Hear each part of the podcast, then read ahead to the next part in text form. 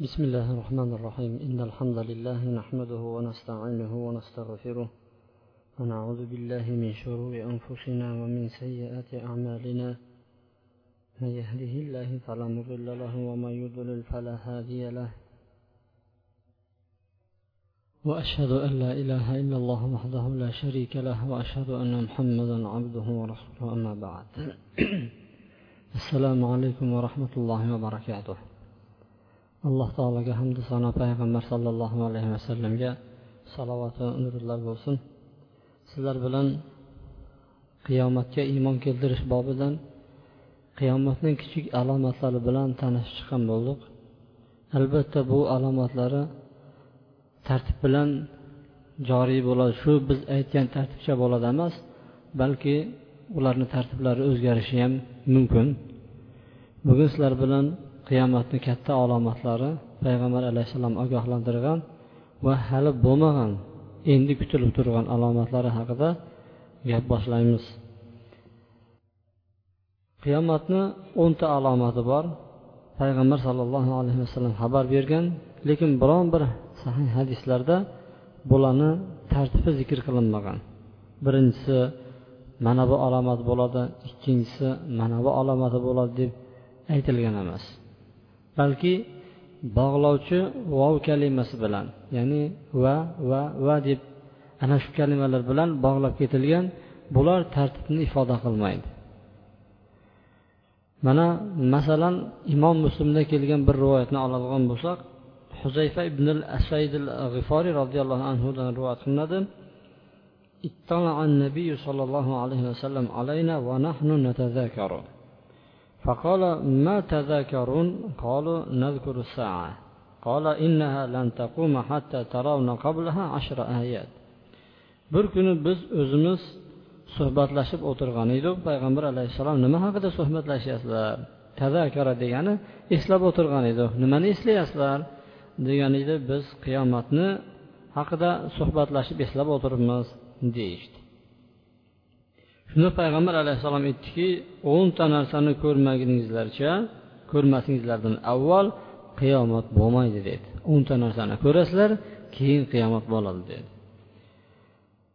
Keyin payg'ambar alayhissalom sanab ketdi duxon ya'ni tutun. Bu tutun qanaqa tutun qachon bo'ladi ular haqida inshaalloh o'zini o'rnida suhbatlashamiz. Keyingisi dajjal. Undan keyinsin dabba bir hayvon chiqadi bir maxluq chiqadi. U haqida ham inshaalloh bariga to'xtalib o'tamiz. Quyosh mashriqdan emas balki mag'ribdan chiqadi. Va iso alayhissalom tushishi yajuj va majuj va uch bor yer yutish bo'ladi. Bittasi mashriqda yana bittasi mag'ribda yana biri arab jazirasida. Va oxirgi o'ninchi oyati esa yamandan bir olov chiqadi tag'in odamlarni mahsharga to'playdi. Mana shu o'nta narsa bo'lmaguncha dedi payg'ambar alayhissalom qiyomat bo'lmaydi dedi. O'nta alomat o'nta bir mo'jiza keladiki ana shu mo'jizalar kelgandan keyin ana undan keyin qiyomat bo'ladi dedi payg'ambar alayhissalom. Yana imom muslimni rivoyatlarida ana shu sahoba huzayfa ibn usayddan boshqa bir lafz bilan rivoyat qilinadiki o'nta belgi o'nta mo'jizani ko'rmagingizlarga qadar qiyomat qoyim bo'lmaydi deydidagin boshqacha tartib bilan sanadi.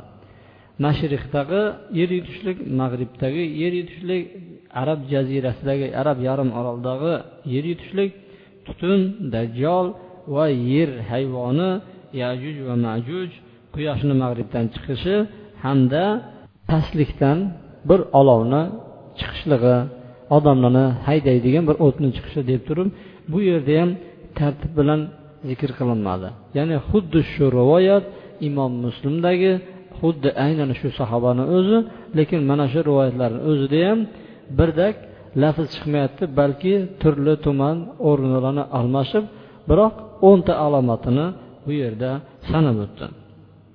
Endi bu boshqa bir rivoyatlar ham kelgan boshqa sahobadan imom muslim esa abu hurayra roziyallohu anhudan rivoyat qilgan hadisda oltita amalga shoshilinglar shular kelib qolmasin. Deydidagi bu yerda ham oltitasini sanab o'tdi.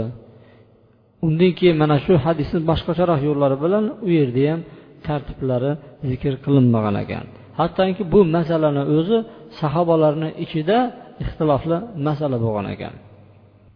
Abu zaroa rahimaulloh aytadiki marvon ibn hakamni oldiga uchta kishi kelib o'tirdi. Shunda marvon ibn hakam uch musulmonlardan uchtasi kelib o'tirgan edi. Marvon ularga qiyomatda oldidan bo'ladigan alomatlar haqida gapirib birinchi dajjol chiqadi dedi. Ya'ni qiyomat alomatlarini eng avvali katta alomatlarni eng kattasi bu dajjolni chiqishligi degan edi shu paytda abdulloh ibn umar ham turgan ekan. Abdulloh ibn umar sahoba marvon ibn hakam tobiin payg'ambar alayhissalom ko'rgan emas. Shunda abdulloh ibn umar roziyallohu anhu aytdiki marvon hech narsani aytmadi dedi. Ya'ni bilmas ekan unaqa emas dedi. Men payg'ambar alayhissalomdan bir hadisni yodlab olganman dedi. Hanuzgacha esimdan chiqarmadi dedi. Payg'ambar alayhissalomdan aytganini eshitganmanki bunday dedilar. Qiyomatni ya'ni alomatlarini mo'jizalarini eng birinchisi quyoshni mag'ribdan chiqishligi dedi. Ana undan keyin odamlarni ustiga dabba ya'ni yer hayvoni chiqib keladi dedi. Duhan ertalab ya'ni choshgoh paytda quyosh tikka ko'tarilgandan keyin chiqib keladi deyildi. Bu hadisga ko'ra ibn umar dajjolni birinchi chiqishini man qildi tag'in balki birinchi mag'ribdan quyosh chiqib kelasligini payg'ambar alayhissalomni yodlab olganman. Buni esimdan chiqarganim yo'q hanuzgacha deb o'zi javob beryapti. Endi ibn hajar rahimaullohni bu so'z haqidagi fikrlarini bilsak tanishib chiqsak ibn hajar rahimaullohni ko'pchiligingizlar bilsangizlar kerak yo eshitgansizlar mana kitoblarimizda ham zikr qilyapmiz juda katta olimlardan. Misrlik ibn hajar asqaloniy katta muhaddis olim bo'lgan. Hattoki u kishini darajasi shunday bo'lganki kitob o'qish bo'yicha u kishiga yetadigan odam yo'q ekan. Kitob o'qish bo'yicha. Bir maktabaga kiradigan bo'lsa shu maktabadagi kitoblarni o'qib bitirmaguncha chiqib ketmas ekan. Juda tez o'qirdi. Bitta kitobni judayam bir qisqa vaqtda o'qib chiqib berar ekan. Shunaqa darajada qobiliyatga ega bo'lgan imom buxoriyni sahihlariga to'liq sharh yozishlikqa faqatgina mana shu kishi muvaffaq bo'lgan ekan. Ibn hajar asqaloniy. Hadis ilmini ustasi bo'lgan imom buxoriyga adashmasam yigirma yetti yilda sharh yozib bo'lgan o'zi aytadiki u kishini manga har qanaqa bir biriga qarama qarshi hadislarni olib kelib beradigan bo'lsangizlar man jamlab tashlayman degan ekan. Manga jamlash qiyin emas. Hadislar bir biriga ko'rinishda zohir qarama qarshi bo'ladi. Bitta olim unaqa deyapti bitta olim bunaqa deydi. Biri bu tomonni ushlasa ikkinchisi u tomonni ushlaydi. Ibn hajar aytadiki aslida hadislar bittasi ham bir biriga qarshi emas deydi. Olib manga deydi har qanaqa hadislarni jamlab beraman deydi. Mana shu ikkita hadisni ham jamlab bergan ekan. Marvor ibn hakam aytyaptiki dajjol birinchi chiqadi desa tobiin edi. Ibn umar yo'q deydi birinchi alomati qiyomatni quyosh mashriqdan emas mag'ribdan chiqib kelishligi dedi. Ibn hajar aytadiki bu bir biriga qarshi emas deydi ikkalasiniki ham to'g'ri. Marvon ham o'zini osmondan olib gapirmaydi yer tagidan kirib gapirmaydi marvon. Rahimaulloh u ham eshitgan narsasini aytyapti. Ibn umar esa payg'ambar alayhissalomdan to'g'ridan to'g'ri eshitgan hadisini rivoyat qilyapti buni qanaqa qilib jamlaymiz? deb turib ibn hajarga aytganda ibn hajar buni judayam chiroyli yo'l bilan hal qilib bergan. Yer yuzidagi yer muhitidagi yer sharoitidagi birinchi mo'jiza bu dajjol bo'ladi degan ekan. Ammo yuqorgi osmon muhitidagi osmon holatlarini o'zgarishidagi birinchi mo'jiza esa bu quyoshni mag'ribdan chiqishi degan ikkalasi ham to'g'ri. Yerdagi ahvolni o'zgar payg'ambar alayhissalom aytdiki o'nta mo'jizani ko'rmaguningizlarcha qiyomat bo'lmaydi degan edi. Mo'jiza odatdan tashqari bo'ladigan ishlarni otini mo'jiza deyiladi dajjolni kelishi ham bu yer yuzidagi ahvollarni o'zgarib fitna fasod ko'payib ketgan paytda u o'zini jannati bilan do'zaxi bilan keladi u qayerdan o'tadigan bo'lsa o'simliklar o'sib ketaveradi. Unga iymon keltirmagan odamlar mana kelasi jumamizda inshaalloh suhbatlashamiz dajjol haqida. Katta bir mo'jiza bunaqa mo'jiza hali kelgan emas va kelmaydi ham. Bu yerdagi holatlarni o'zgarishligi bo'yicha birinchisi. Ammo osmondagi osmon muvozanati ya'ni yuqorgi olam muvozanatini o'zgarishligini eng avvali esa bu quyoshni mashriqdan emas mag'ribdan chiqishligi osmon bir tartibda judayam bir tartibli nizom bo'yicha ishlaydi. Bu nizomni robbimizni o'zi boshqarib turadi. Shuncha yer yuz osmondagi galaktika deb qo'yadi fazodagi katta katta hajmdagi sayyoralarni bir biriga urushmasdan urilmasdan muntazam suratda aylanib yurishligi to ular yaralgan kunidan boshlab turib bir tizimda kelishligi bu alloh subhanava taoloni qudratiga dalolat qilmay nimaga dalolat qiladi? Ana shularni o'zgarishligi qiyomat kuniga oldin bo'lar ekan. Eng avval o'zgaradigan ya'ni bu katta bir mo'jiza quyoshni mag'rib tomondan chiqishligi. Demak ikkalasi ham birinchi bo'ladi yerdagi birinchi mo'jiza dajjol bo'lsa yuqoridagi osmondagi birinchi mo'jiza quyoshni mag'ribdan chiqishligi ammo tibiy rahimaulloh aytadiki sanab bergan ekan.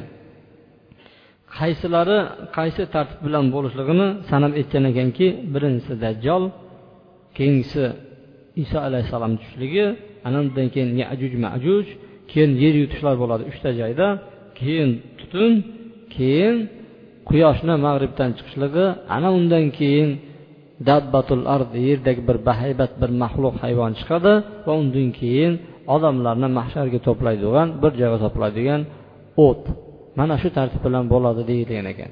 Bu hadisda kelgan emas faqatda faqatgina hadisda kelgani aniq bo'lgani birinchi dajjol chiqadi undan keyin iso alayhissalom tushadi ana undan keyin yajuj va majuj keladi. Mana shular hadisda tartib bilan kelgan ekan endi bu shu o'nta alomatini qaysi biri birinchi keladigan bo'lsa keyingilari ham ko'p kutilmasin tez tez kelar ekan payg'ambar alayhissalom hadisda imom tabaroniy o'zini avsotlarida abu hurra roziyallohu anhudan rivoyat qilgan hadisda aytadiki خروج الآية بعضها على إثر بعض يتتابعن كما تتابع الخرز في النظام qiyomatni alomatlari ketma ket keladi.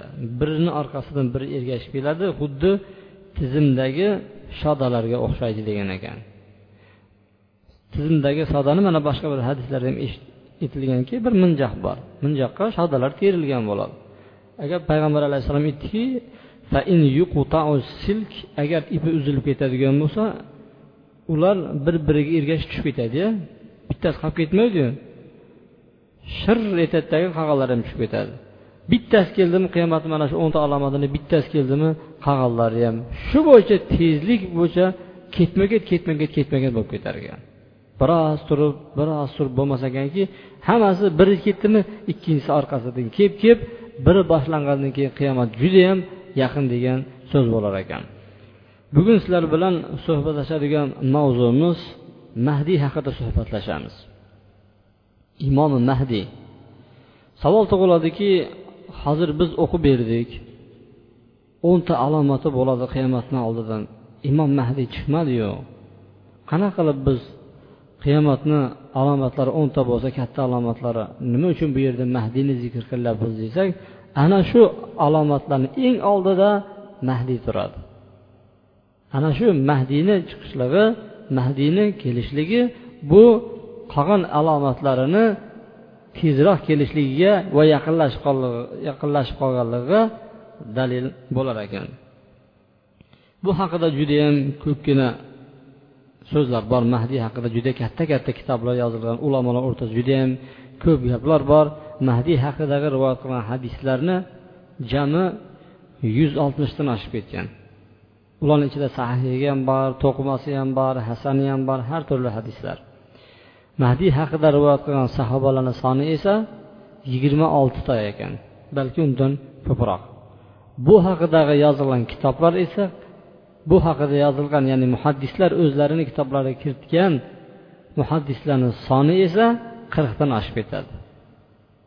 Demak bizlar ana shu qiyomatni oldidan keladigan mahdiy haqida mana bugun suhbat ochamiz u kishini u kishi kim bo'ladi deydigan bo'lsa qiyomatni oldidan keladi tagin olamni butun bari jabr zulm sitam qisuv mana shu bilan to'lib ketgan bo'ladi.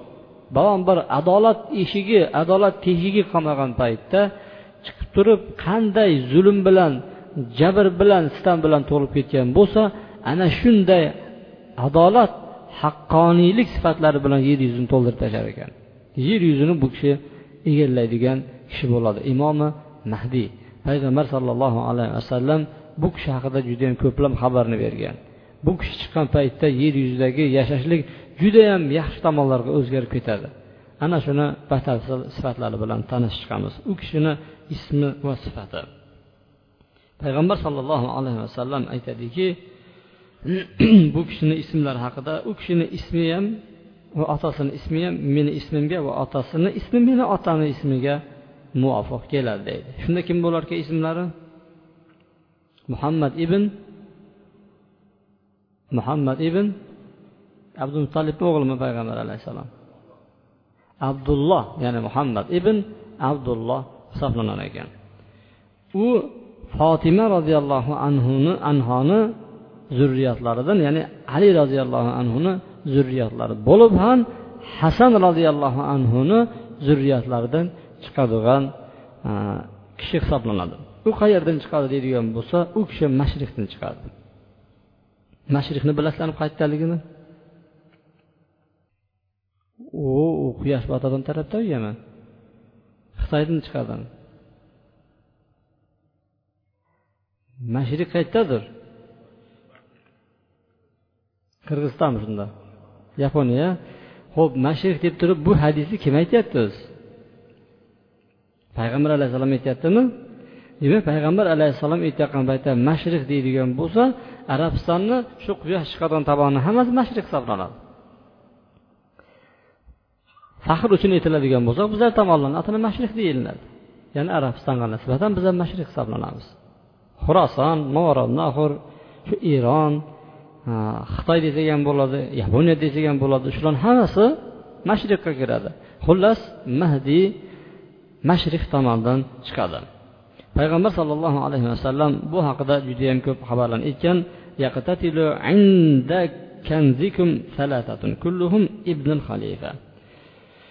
xazinani ustida uchtasi bir biri bilan jang qiladi. Ularni hammasi xalifani o'g'li bo'ladi dedi. Ularni bittasiga ham bu xazina buyurmaydi. Keyin mashriq tomondan qora bayroq ko'rinadi. Qora bayroq ko'tarib olganlar ko'rinadi keyin ular shunday bir jang qiladi.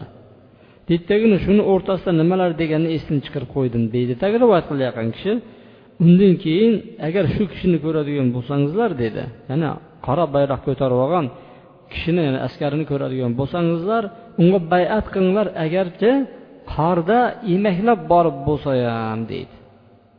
Ana shu kishini ko'rgan paytda qordan emaklab bo'lib borsang yurolmasangizlar borib bayat qilinglar degan joyigacha sahih hadis ekan.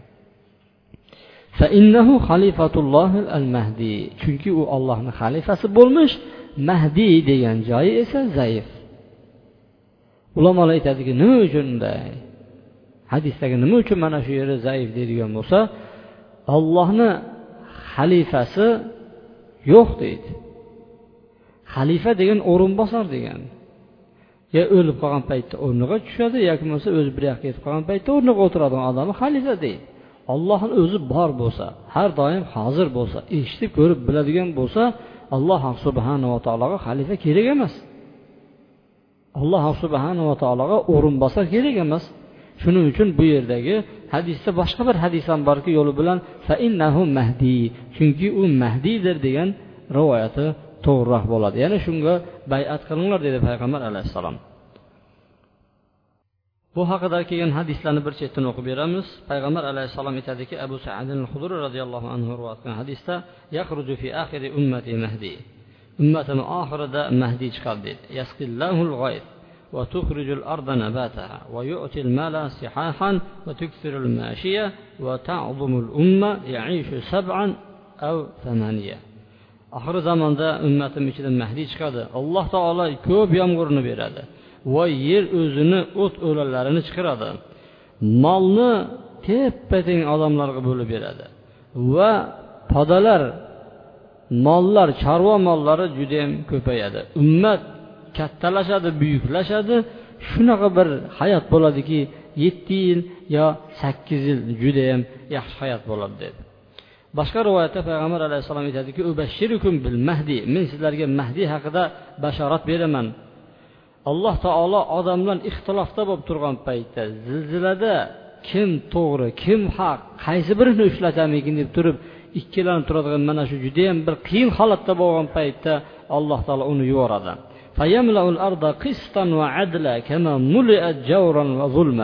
Alloh subhanava taolo shu kishini sababi bilan yer yuzi zulm javrga to'lib yotgan paytda u kishini yuborib turib adolat bilan va rostgo'ylik bilan yer yuzini qanday zulm bilan to'lib ketgan bo'lsa shunday adolat bilan to'ldirib tashlar ekan u kishi. Undan osmondagi yashaydiganlar ham va yerdagi yashaydiganlar ham hammasi rozi bo'lar ekan. Ya'ni odamlarni hammasi va farishtalarni barchalari undan rozi bo'ladi. Molni sihah suratda taqsimlar ekan shunda bir kishi aytdiki masiha bu sihah deganingiz nima deganda odamlarni o'rtasida molni teng taqsimlab berish ha odamlar olayotganidan ko'pchilik hozirgi paytda ko'p eshitib qolamiz norozi. Ne undaq ekan? Nega manga kam? Man shuncha ishlaganman man undoq qilganman degan gaplar. Yoki bo'lmasa u hamma narsasi bor bo'lsa ham olyapti manda hech narsam yo'q bo'lsa ham man olmayapman. Xullas kalom gaplar ko'p. U mahdiy chiqqan paytda hamma odamlarga tortiqlarini teng taqsimlab beradi. Boshqa bir rivoyatda aytdiki u kishi ummati muhammadni qalblarini boylik bilan to'ldirib qo'yadi. Uni adolati hammaga yetadi. Hattoki nido qiluvchi nido qilib berar ekanki kimga mol kerak bo'ladigan bo'lsa kimga kerak deb odamlarni ichida baqirib yurar ekan. Kimga nima kerak deb turib odamlarni birontasi menga falon narsa kerak deb aytmas ekan magar bir kishi chiqar ekanki oy manga mol kerak derkan shunda kiyimingni yez derkan bor tag'in xazinavonga borib et mahdi etdi manga mol berarkansiz derkan haligi yesh yez deydi. Yozgandan keyin to'ldirib bergandan keyin boyagi odam hijolat qiladiki man odamlarni ichida eng bir yaxshi odam bo'lmasam kerak. Olmayman bo'ldi menga kerak emas degan paytda u aytadiki biz bergan narsalarimizni qaytolmaymiz berdikmi endi olib ket deydi ya'ni yer yuzida shunday bir go'zal hayot bo'ladi. Bu hayot sakkiz yil yo yetti yil yo to'qqiz yil deyildi mana bu hadisda. Ana undan keyin yaxshi hayot bo'lmaydi.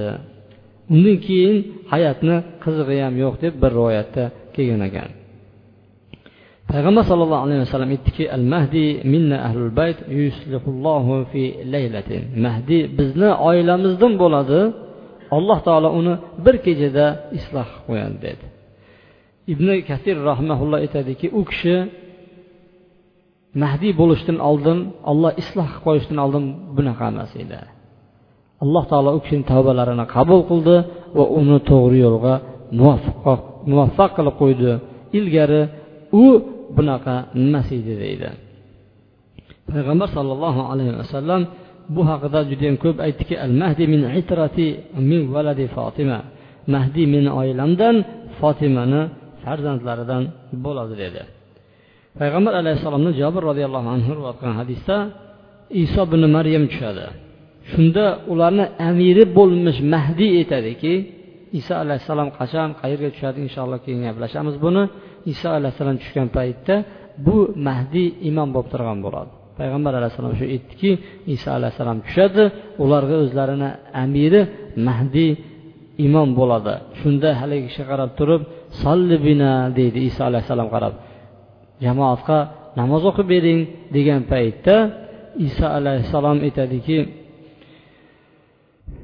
yo'q sizlar bir biringizlarga o'zingizlar boshliqsizlar amirsizlar alloh taolo bu ummatni mana shunday bir hurmat bergan deb turib u kishi imom bo'lmaydi iso alayhissalom balki mahdiyni o'zini imomchilikqa o'tkazib berar ekan abdulloh ibn masud roziyallohu anhu rivoyat qilgan hadisda la tadhabu أو لا تنقضي الدنيا حتى يملك العرب رجل من أهل بيتي يواطي اسمه اسمي وفي رواية يواطي اسمه واسمي واسم أبيه اسم أبيه bu dunyo tugamasdan turib dedi bu arablarni ichida meni oilamdan dedi bir odam boshliq bo'ladi podsho bo'ladi uni ismi meni ismimga o'xshaydi bir rivoyatda meni ismim uni ismiga adasini ismi meni adami ismiga muvofiq keladi degan ekan demak bu mahdiyni chiqishligi kutilayotgan mahdiy endi keladi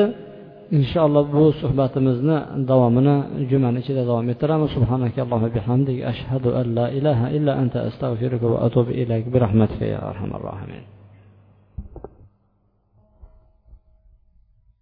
إن الحمد لله نحمده ونستعينه ونستغفره ونعوذ بالله من شرور أنفسنا ومن سيئات أعمالنا من يهده الله فلا مضل له ومن يضلل فلا هادي له وأشهد أن لا إله إلا الله وحده لا شريك له وأشهد أن محمدا عبده ورسوله أما بعد bu mahdiyni tarixda ko'p odamlar chiqdi chiqmadi endi chiqadi. Mana shu haqida judayam katta ixtiloflar tortishuvlar bo'lgan. Bu so'zlarni xulosasi mahdiy endi chiqadi. Biroq tarixda mahdiy haqidagi fikrlar ikki xil bo'ldi. Birinchisi mahdiylikni davo qilgan kishilar bo'ldi mahdiylikka davo qilingan kishilar bo'ldi. Mahdiylikka davo qilingan kishilar o'zi xohlamagan edi men mahdiy bo'laman deyishmagan edi. Masalan payg'ambar sollallohu alayhi vasallamni urug'laridan nabiralaridan chiqqanlar ba'zilarga siz mahdiysiz deb orqasida ko'tar ko'tarib yurganlar ham bo'ldi. Hammamiz umar ibn abdul azizni bilamiz rahimaulloh u kishini mahdiy deyishgan ekan. Lekin o'zi u kishini man mahdiyman deb aytmagan lekin mahdiychalik bu odam ish qo'ygan edi. Haqiqatda adolat bilan ish qilgan edi adolat bilan to'ldirgan edi u kishini jamiyatida bir odam zulm ko'rmagan edi mol dunyoni shunaqa darajada tarqatgan ediki misli ko'rilmagan edi. Yomg'irlar ham ko'p yoqqan edi bu kishini davrida o't o'lanlar ham judayam mo'l ko'l bo'lgan edi. Lekin hayot bu hadisda aytilayotgan hayot u kishini davrida bo'lgan emas. Ba'zilar zaynul abidinni ham aytishgan ekan. Yana ba'zilar ali roziyallohu anhuni muhammad ismini o'g'illari bo'lgan faqatgina fotimadan emas bani hanifa qabilasidan bo'lgan ayoldan bo'lgan bir o'g'li bor edi. Muhammad hanafiya deb qo'yishardi. Ana shuni ham mahdiy deyishgan ekan. Ya'ni bularga boshqa odamlar siz mahdiysiz deyilgan. Ammo kazzob yolg'onchi mahdiylar judayam ko'p bo'lgan. Imom suyuti o'zini kitoblarida mana shularni keltirgan bularni hammasini teri chiqib turib taqriban qirq ikkitagacha mahdiylarni sanab o'tgan. Ularni ichida ba'zilari o'zi boshida xohlamaganda odamlar ko'tar ko'targandiki e man mahdiy ekanmi? deyotgan odamlar ham bo'lgan. Ularni ichida o'zini nomzodni qo'ygan mahdiylar ham bo'lgan. O man mahdiyman manga kelib bayat qilinglar deb turib bu ishlar haligacha to'xtagani yo'q. Davom etyapti. Qariyb shu o'zimizni yaqin zamonlarimizda ham kabani ichidan bir mahdiy turib man mahdiyman dedi. Hattoki ko'pgina odamlar shovshu bo'lib turib ba'zi olimlar bayatga bayat berishga borishgan. Va u kishini keyin mahdiy emasligi ma'lum bo'ldi. Hattoki payg'ambar alayhissalom aytib ketgan ismi meni ismimga o'xshaydi otasini ismi meni otam ismiga o'xshaydi degan mutlaqo o'zini ham ismi otasini ham ismi to'g'ri kelmaganlar ham man mahdiyman degan. U kishini oti yo ahmad bo'lishi mumkin yo muhammad bo'lishi mumkin. Payg'ambar alayhissalomni ikkita ismlari bor. U kishini o'zi xohlamaydi lekin odamlar quvib yurib turib borib orqasidan ushlab kabada u kishiga bayat qilishadi. Keyin u kishi musulmonlarga boshchilik qilishni boshlab u kishi xalifa bo'ladi. Bu hali mahdiy kelgani yo'q oxirgi zamonda dajjolni oldidan chiqib turib dajjol chiqqan paytda iso alayhissalom tushib shu mahdiyni askari bilan birgalikda dajjolni qatl qiladi. Bunga hali bor. Mahdiy chiqqan emas.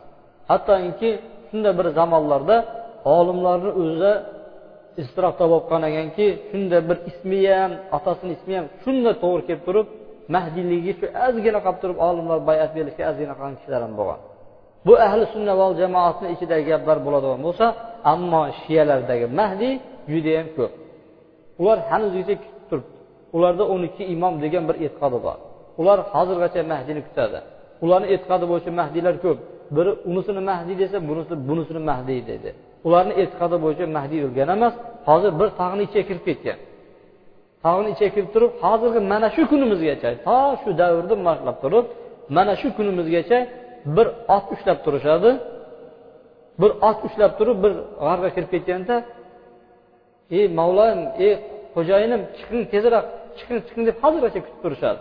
Bir qo'lida ot bor ikkinchi qo'lida boyag'ilarni kutib tayyor turadiki chiqib minib ketadigan darajada chiqmaysizmi tezroq? hammasi juda yam qiynalib ketyapmizlar deb turib hozirgacha kutib o'tirishadi. Bularni shiyalarni jahillig'i nodonligi hadis va oyatlarni qur'onlarni tushunmaganliklarini belgisi hisoblanadi. Alloh subhanava taolo gunohlarimizni mag'firat qilgan bo'lsin. Men o'zimni hamda sizlarni avvalda qilgan gunohlarimiz uchun istig'for so'rayman. Allohdan kechirim so'rayman. Zero alloh subhanava taolo gunohlarni kechirguchi zotdir. Barakallohu li va lakum fil qur'onil azim. ونفعني بما فيه من الآيات وذكر الحكيم وتاب علي وعليكم إنه هو التواب الرحيم.